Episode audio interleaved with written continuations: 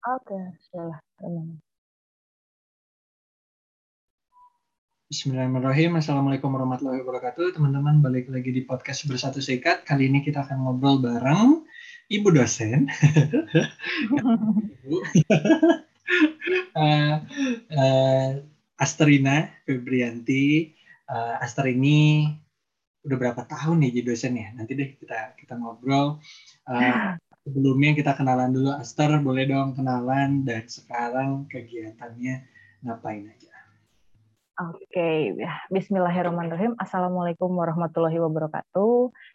Uh, sebelumnya saya ucapkan terima kasih uh, sama Pu sama Uji udah diundang untuk di podcastnya. Ini buat saya sih uh, ya alhamdulillah lah untuk silaturahmi Ya mungkin langsung aja ya. Jadi uh, nanyain gimana sih ceritanya gitu. Oke, saya itu uh, saat ini mengajar di uh, salah satu universitas swasta ya di Bandung. Itu di ITENAS. Saya dosen teknik industri. Dulu saya S1-nya teknik industri.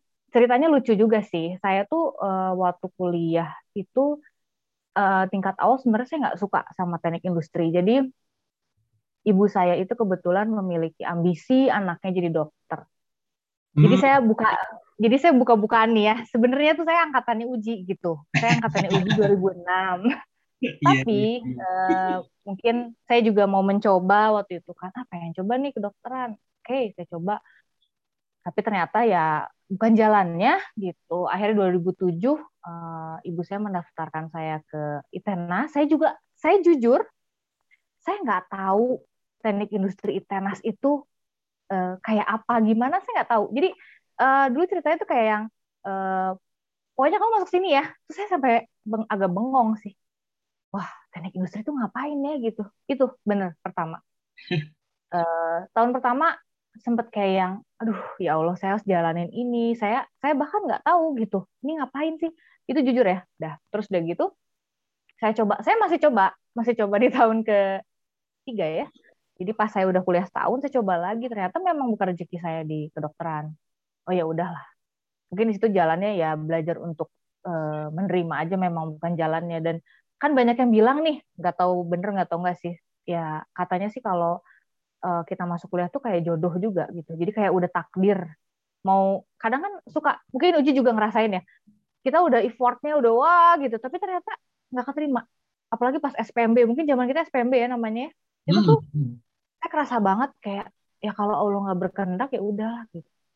Udah gitu. Nah akhirnya saya coba jalanin jalanin gitu. Terus kemudian uh, saya enjoy enjoy gitu sampai akhirnya. Terus ternyata saya ada minat untuk ngajar gitu di situ.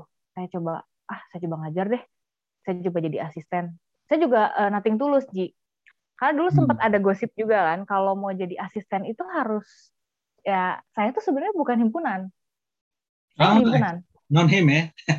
Non him saya non him nah uh, nanti ada cerita lucu juga sih. Jadi saya non him uh, udah ada gosip nih. Non him itu nggak akan diterima jadi asisten. Saya deg-degan dong tapi saya pikir udahlah nating tulus tapi ternyata nggak fair juga. Mereka fair juga milihnya. Ya, alhamdulillah saya keterima. Di situ saya bahasanya dulu mungkin passion ya. Kayak lah kayak passion mungkin ya udahlah saya seneng ngajar nih ngajar. Udah gitu di tahun saya masuk 2007 kemudian 2000 11 itu saya lulus ya. Selesai uh, tapi mungkin mungkin ya uh, ibu saya itu kan karena kami di keluarga itu kan berempat bersaudara. Saya bersaudara itu uh, dua teknik dua lagi non uh, non teknik gitu. Nah mungkin ibu ibu saya uh, juga nggak apal gitu tentang kalau teknik industri itu kerjanya ke mana gitu. Sebenarnya ibu tuh ibu tuh punya punya keinginan kayaknya saya pengen jadi dosen tapi saya tuh kayak biasalah pengen keluar dari zona itu gitu. Kakak saya juga kebetulan dosen kan gitu.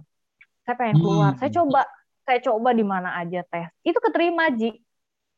Keterima ah. mau coba di mana di mana. Ya saya kayak di Bandung ada di mana. Terus uh, saya sampai pernah di salah satu bank. Dulu kan lagi hits banget tuh ODP ya. Nah itu itu udah sampai tahap akhir banget. Tapi mungkin Allah juga nggak ini ya saya udah sampai medcheck gitu. Saya udah berharap nggak di nggak nggak keterima. Jadi kalau saya simpulin sih mungkin kayaknya uh, orang tua saya itu pengen saya ke arahnya ke bank. Tapi kalau misalnya kayak uh, bagi, bagi apa bidang manufaktur tuh malah jadi kayak nggak terlalu nggak terlalu ngerti gitu. Jadi lebih ke nggak deh berapa kali tuh nggak dapet restu gitu. Akhirnya saya tuh duh gimana ya? Ya udah akhirnya uh, saya coba apa ya. Nah kebetulan tuh bertepatan sama ini sih jadi uh, pada saat itu tahun 2012 saya ketemu sama suami saya gitu ya. Nah suami saya tuh begitu kenal langsung mau ngajak nikah gitu kan. Terus tapi bapak saya ngasih syarat dia bilang saya harus kerja dulu. Nah kan saya bingung nih Ji. Saya tuh nggak kerja waktu itu. Nggak kerja? Duh, gimana caranya ya? Nah kebetulan saya ngajar nih di ITENAS asisten lah bantu-bantu sama dosen. Jadi misalnya responsi dulu kita uji mungkin mungkin inget ya ada responsi. Jadi uh, mata kuliah ini ada responsi yeah, mata kuliah yeah. apa ada responsi gitu ya nah terus uh, pas gitu tiba-tiba ada dosen nih yang bilang Ser coba aja kamu sambil sekolah gitu. Nanti bisa diangkat jadi dosen loh di sini. Wah ya juga ya kata saya tuh. Itu tuh tahun 2012 ya, kayaknya. Terus akhirnya ya juga deh cobain deh. Akhirnya saya daftar ke ITB waktu itu daftar. Nah akhirnya di tahun 2000 kayaknya tahun 2012 13 ya 2013 itu saya diterima uh, alhamdulillah gitu ya di ITB terus bertepatan di ITENASnya juga diterima gitu. Nah udah deh. Kan maksudnya setelah dua-duanya itu ada tuh tiket buat eh, suami saya buat ngelamar gitu kan pada saat itu gitu. Jadi bapak saya juga udah tenang almarhum bapak saya udah tenang gitu. Jadi udah gitu. Nah jadi ceritanya itu di mulai di tahun 2013 sampai sekarang. Jadi kalau ngajar itu sebenarnya Ji yang eh, ya saya nggak tahu juga ya waktu awal-awal saya ngajar itu banyak sekali yang menyangka oh asisten ya? Ya itu oke okay lah nggak apa-apa lah gitu. Maksudnya karena emang sambil kuliah kan gitu. Nah hmm. saya tuh baru lulus tuh tahun 2016 jadi uh, saya tuh dua setengah tahun. Jadi pas saya kuliah itu saya hamil anak pertama. Nah anak pertama saya itu dia lahir uh, kondisinya prematur. Hmm. jadi saya cukup menghabiskan waktu untuk anak saya gitu. Jadi ya keskip lah setengah satu semester. Nah pas saya perwalian dosen pembimbing saya sampai ngepush gitu. Ini harus diberesin karena kan jatahnya cuma tiga tahun kan. Nah, akhirnya hmm. hmm, saya beresin. Alhamdulillah selesai di eh, 2016 gitu ya di 2016 selesainya sebenarnya sidangnya bulan Maret tapi uh, baru wisuda tuh pertengahan lah gitu. Nah dari situ sih sebenarnya uh, apa ya saya awalnya jadi jadi ceritanya tuh gini yang bisa saya ambil tuh awalnya saya nggak tahu bahkan nggak ngerti bidangnya gitu tapi ternyata jadi jalan rizki gitu jalan rizki uh, sebenarnya poin saya jalan rizki di sini adalah banyak belajar uh, banyak uh, istilahnya banyak ya maksudnya belajar kita belajar untuk mengajarin orang gitu kan. Poin poin itu seperti itu gitu. Jadi kita belajar lebih banyak lagi untuk ngajarin lagi, kita belajar untuk nulis, kita belajar macam-macam semuanya itu belajar gitu istilahnya.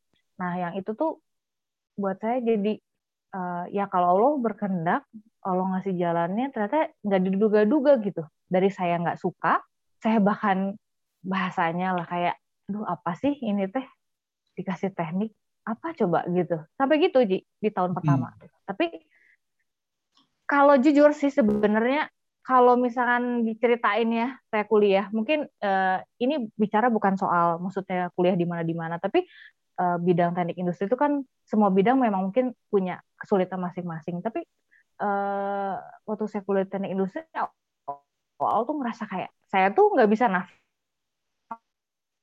untuk ngerjain tugas. Baru selesai ini harus ngerjain yang itu.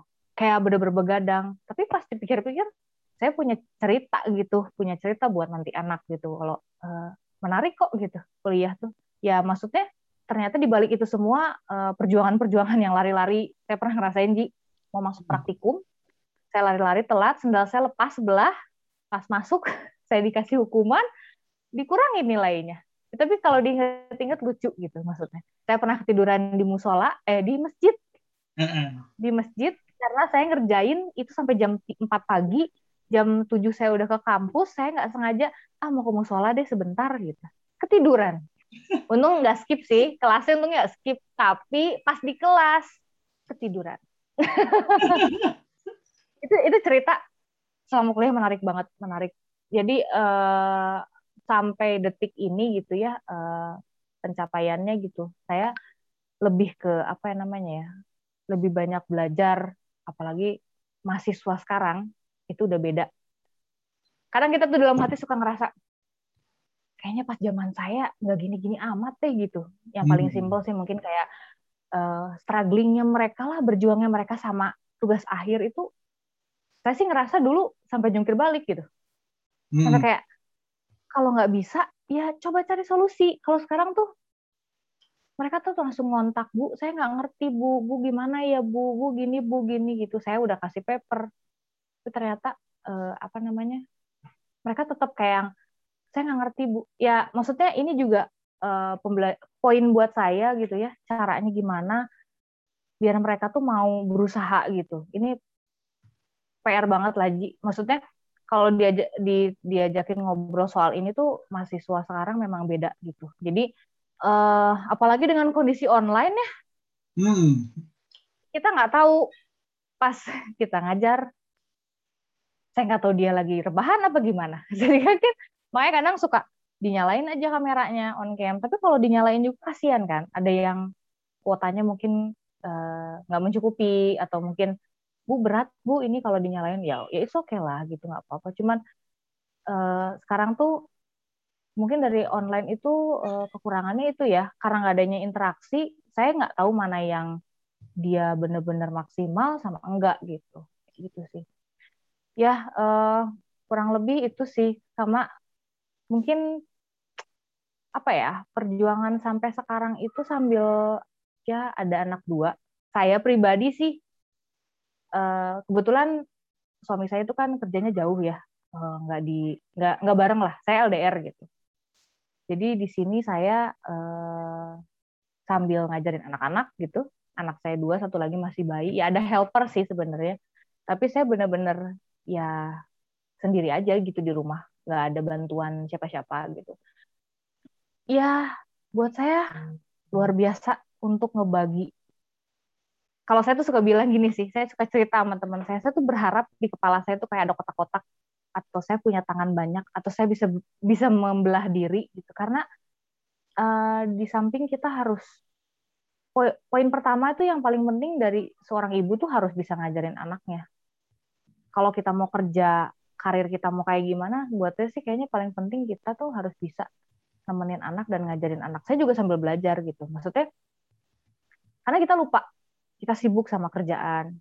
Tapi anak kita even cuman kayak nanya, ini buatnya gimana gitu. Maksudnya itu tuh eh, bahan refleksi lah. Jadi kalau misalkan si anak butuh, ya saya harus tinggalin apa pun itu. Karena anak tetap nomor satu. Eh, kebetulan kan anak yang pertama tuh lagi sekolah kan hmm. SD jadi saya benar-benar bagi waktu saya ngajar juga. Saya ya tapi e, sebenarnya kayaknya pada umumnya sama ya permasalahan online untuk anak-anak. Kalau nggak kitanya melototin ya anak tuh kan anak umur satu tahun kita nggak bisa maksa eh sorry anak kelas satu tuh kita nggak bisa maksa dia buat stay fokus di jimit kan. Saya ngeliatin aja gitu ayo perhatikan nggak bisa juga kan. Ya saya juga kadang berusaha juga sih di uh, gimana caranya ngajarin anak tapi nggak kayak ngajarin ke mahasiswa. Kan beda ya treatmentnya ke anak gitu. Mm-hmm. nah itu saya juga sering dikasih tahu sama uh, suami gitu. Cobalah uh, apa namanya kamu tuh kalau ngajarin uh, apa namanya bener-bener kayak dari ibu ke anak jangan jadi jadi dosen gitu. Ya juga sih gitu kan ya banyak belajar lah. Saya masih banyak belajar. Tapi ya buat saya sih kayaknya keluarga tuh nomor satu lah dibanding apa pun. Uh, mereka tuh lingkaran yang paling sportif lah buat saya gitu. Kayak kalau pekerjaan seberat apa pun gitu ya tetaplah ingat sama keluarga dulu gitu. Ingat sama apa yang paling penting duluan gitu. Jangan sampai ya kadang ya Ji kita kan punya deadline ya. Sampai nggak sadar harus ngerjain nih deadline ini sampai malam gitu. Sampai nggak inget sampai kadang nggak bisa tidurin yang adeknya gitu. Sampai uh, kadang juga misalkan yang pertama juga ngajakin uh, misalkan ngegambar gitu. Kan jangan sampai miss momen itu karena kita ibunya gitu. Itulah makanya sebenarnya pertimbangan awal tuh saya milih jadi dosen supaya fleksibel. Ya alhamdulillah sih bisa fleksibel. Cuman ya harus bisa multitasking aja kayak gitu. Gitu sih paling Ji um, nah kalau itu kan tadi Astra kan istilahnya kuliah teka bayangnya industri gitu karena uh, ya benar benar benar. Terus uh, terus juga akhirnya sekarang malah jadi dosen teknik gitu ya. Iya iya iya. Terus uh, nah pertanyaannya adalah sekarang uh, are you happy? Gitu terus uh, oh.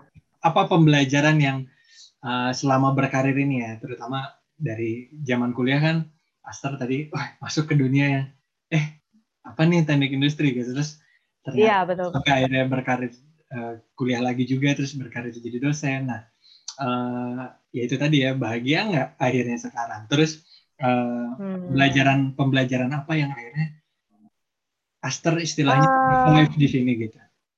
Ya oke. Okay saya alhamdulillah sangat bersyukur dan sangat bahagia untuk kondisi saat ini sekarang gitu. Karena eh, apa ya pertama adalah saya ternyata menemukan passion saya gitu untuk mengajar dan alhamdulillah saya bisa kesampaian gitu mengajar banyak belajar. Dan ya pembelajarannya sih saya menjadi banyak apa ya banyak tahu gitu. Khususnya kayak eh, kita tuh ngajarin orang itu nggak semata-mata kayak cuman ini ya baca ini ini. Tapi kita juga harus tahu. Saya saya terus terang belajar terus uh, mungkin dari awal masuk saya mungkin strict strict itu dalam arti kata dalam nilai dalam ngasih ujian gitu kan. Terus saya mungkin tegas atau gimana. Tapi berjalannya waktu bukannya menurunkan kualitas tapi lebih ke kayak gimana nih caranya? gitu. Bisa menyampaikan hal-hal yang uh, bermanfaat dan mereka juga bisa mengerti dengan baik gitu.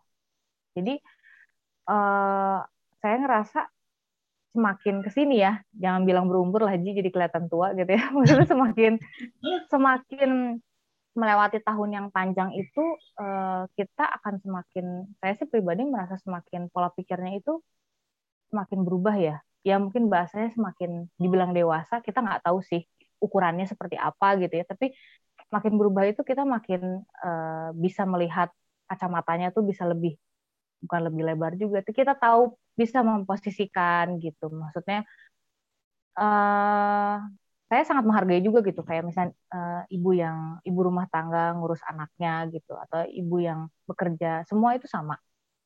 Mau dia ibu rumah tangga mau dia bekerja itu semua sama posisinya. Kita sama-sama uh, berusaha jadi ibu yang baik gitu buat anak-anak gitu kan. Terus uh, ya pokoknya pembelajarannya itu yang paling terasa banget. Ya kita harus struggling aja sih.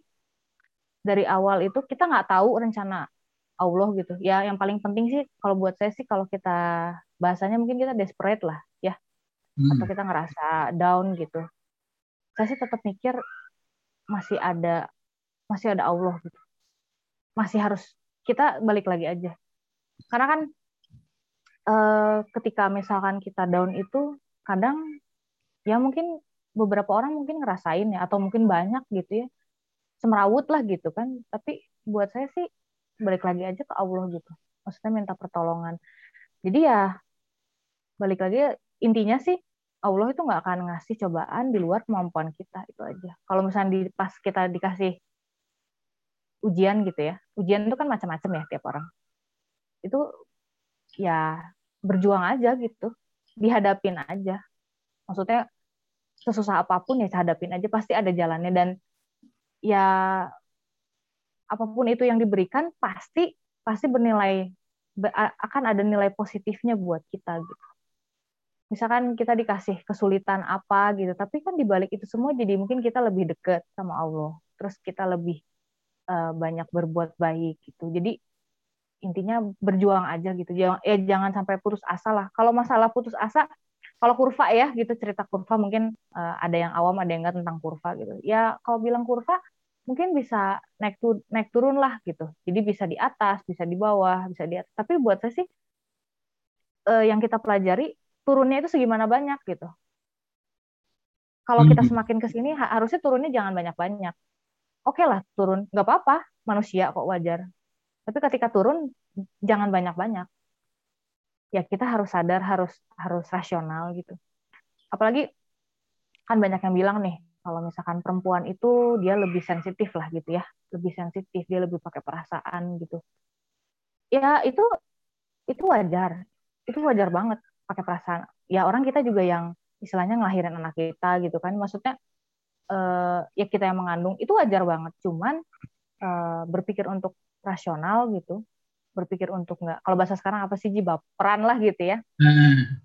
uh, baperan atau apa gimana gitu terhadap hal-hal kecil ya buat saya sih itu harus diminimasi lah gitu ya.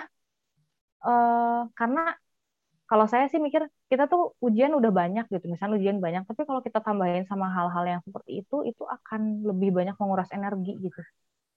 Jadi berjuang itu banyak hal gitu berjuang itu bener-bener kayak ya kita harus kuat berpikir rasional dan saya sih mikir pola pikir itu berkembang gitu. Dari yang mungkin kita hanya berpikir kok begini? Oh jadi begini gitu. Jadi kenapa sih gitu? Jadi bukan kenapa sih gitu? Oh mungkin maksudnya begini gitu. Jadi lebih ke sana sih maksudnya. Kita harus ya intinya struggling lah gitu. Buat ibu-ibu di luar sana yang mungkin merasa apa ya uh, saya capek banget nih gitu saya tuh udah kerja atau saya capek banget di rumah saya bosen.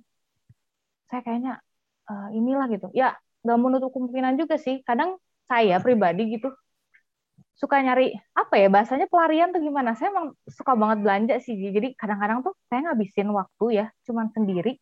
Itu cuma muter-muter doang nggak belanja. Jadi tuh kayak bisa masuk ke mana ya? Ke mall waktu zaman belum pandemi ya. Hmm. masuk ke mall. Terus saya cuma muter-muter dan itu tuh kayak rilis udah dan tapi harus sendiri Ji nggak bisa di bareng-bareng sama teman-teman nggak. Tapi sendiri. Tiba-tiba saya ke mana sendiri? Saya ke mana sendiri? Jadi emang uh, mungkin dibilang me time nggak tahu juga sih. Tapi kayak lebih ke untuk rilis aja. Terus abis itu tuh kayak punya tenaga baru untuk oke okay, saya harus melakukan ini ini ini.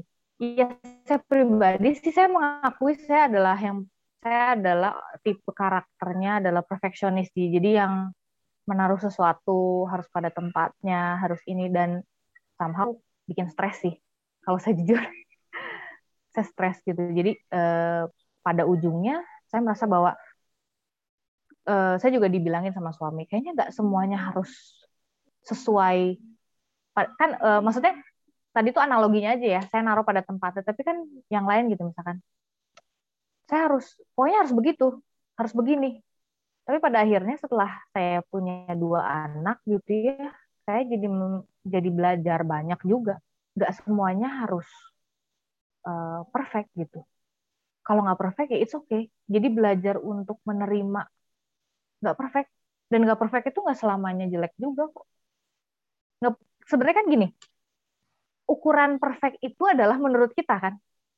Hmm. jadi kita ngerasa kayaknya harus begitu deh. Tapi ternyata enggak kok gitu coba lihat di luar sana yang nggak perfect nggak perfeksionis toh bisa hidup dengan uh, aman-aman ya, aja. Ya bisa pencapaiannya juga nyampe hmm. bisa selesai gitu. Jadi itu yang paling kerasa banget uh, ya buat mungkin yang perfeksionis. Kalau perfeksionis tuh nggak bisa dihilangin itu memang udah bawaan. Cuman gimana kita nyikapinnya aja. Jadi kayak misalkan uh, nih ya kan kan gini nih contoh kecil aja. Misalkan anak saya sekolah nih anak saya yang pertama nih Dipa nih sekolah dia terus anak saya yang kedua misalkan harus harus uh, apa namanya uh, makannya itu kan harus disiapin gitu misalkan ya. Kan itu kan saya harus ngebagi-bagi. Jadi saya jadi belajarnya tuh ya pokoknya se sampai dikasih tahu suami itu semampu kita aja. Jangan sampai kita tuh kayak ya bahasanya mungkin kebebanin ya. Kayak hmm. pokoknya ini harus begini. Ini yang terbaik tapi jangan sampai kayak jadi beban buat sayanya gitu. Jadi itu sih yang lagi saya pelajarin sekarang ya walaupun belum sempurna tapi uh, untuk ya mungkin untuk perempuan di luar sana yang perfeksionis gitu. Itu tuh stres loh. Stres banget kalau kita uh, terlalu strict gitu. Ya pun nggak bisa deh.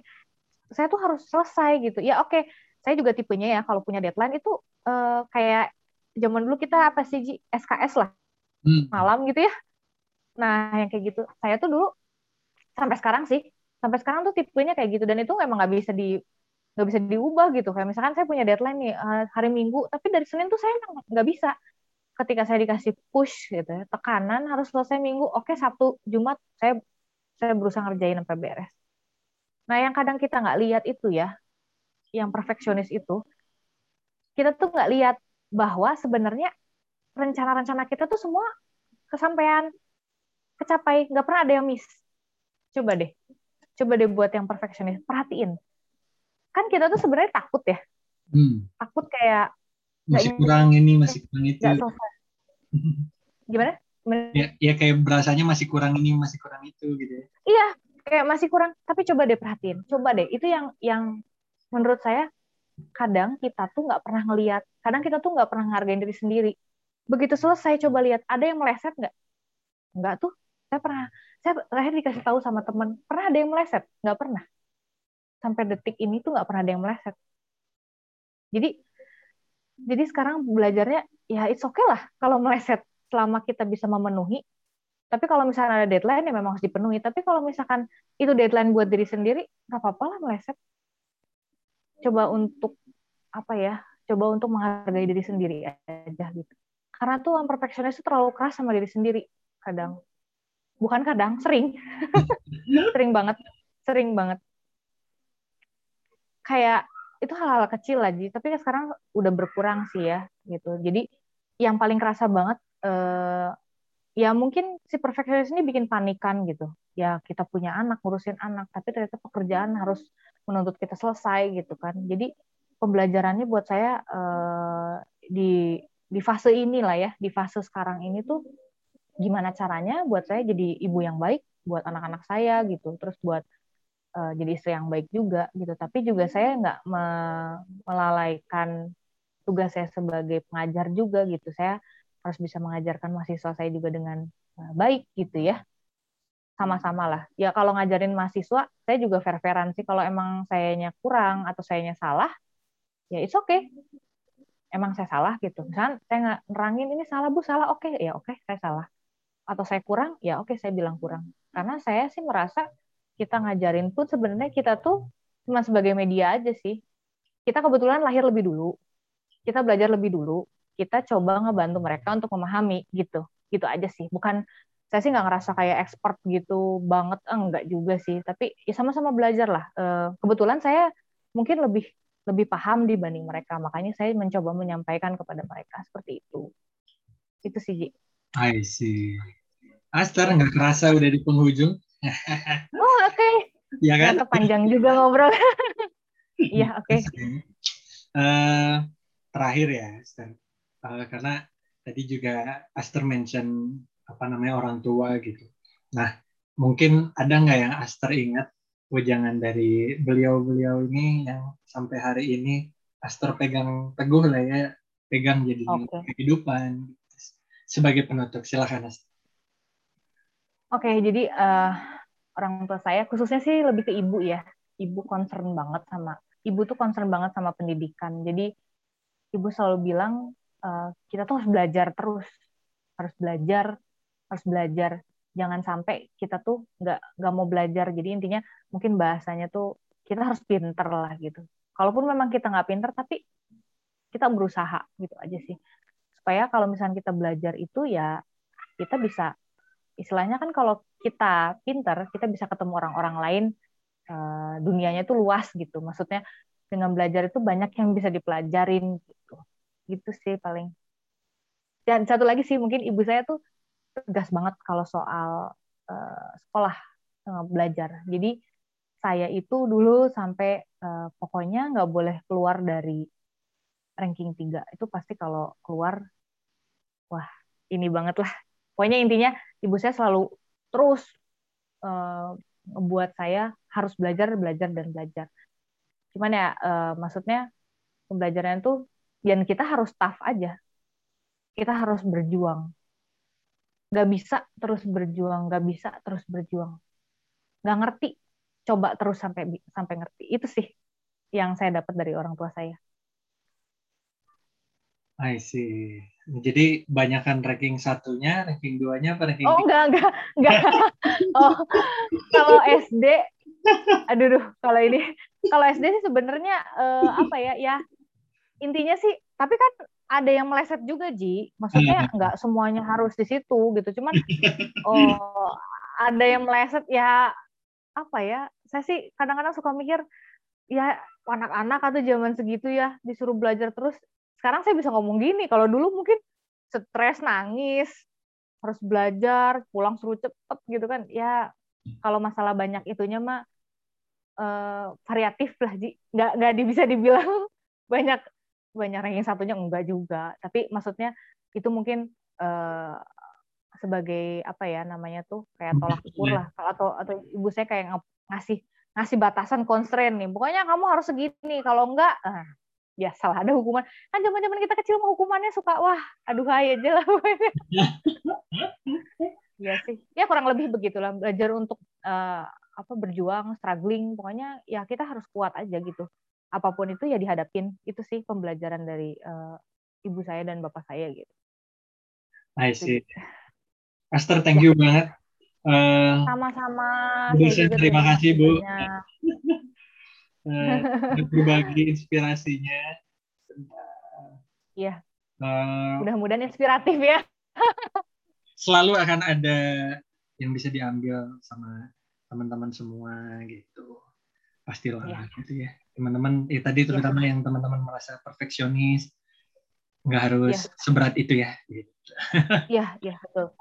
Ya saya berbagi pengalaman aja, maksudnya kadang kita tuh stres tuh cuma buat hal-hal yang kecil gitu yang harusnya ah udahlah nggak usah terlalu dipikirin gitu harusnya tapi kan nggak semua orang bisa gitu kan ya. Aster thank you banget ya. pokoknya sehat-sehat selalu Sama salam semoga, buat dan anak-anak semoga ya. semua karir lancar ya salam buat ya salam buat istri sama anak juga semoga bisa keep in touch ya Iya, apa pun harus, momennya harus. semoga kita bisa terus ngobrol ya Ya, terima kasih banyak, Ji. Ya, ya, waalaikumsalam.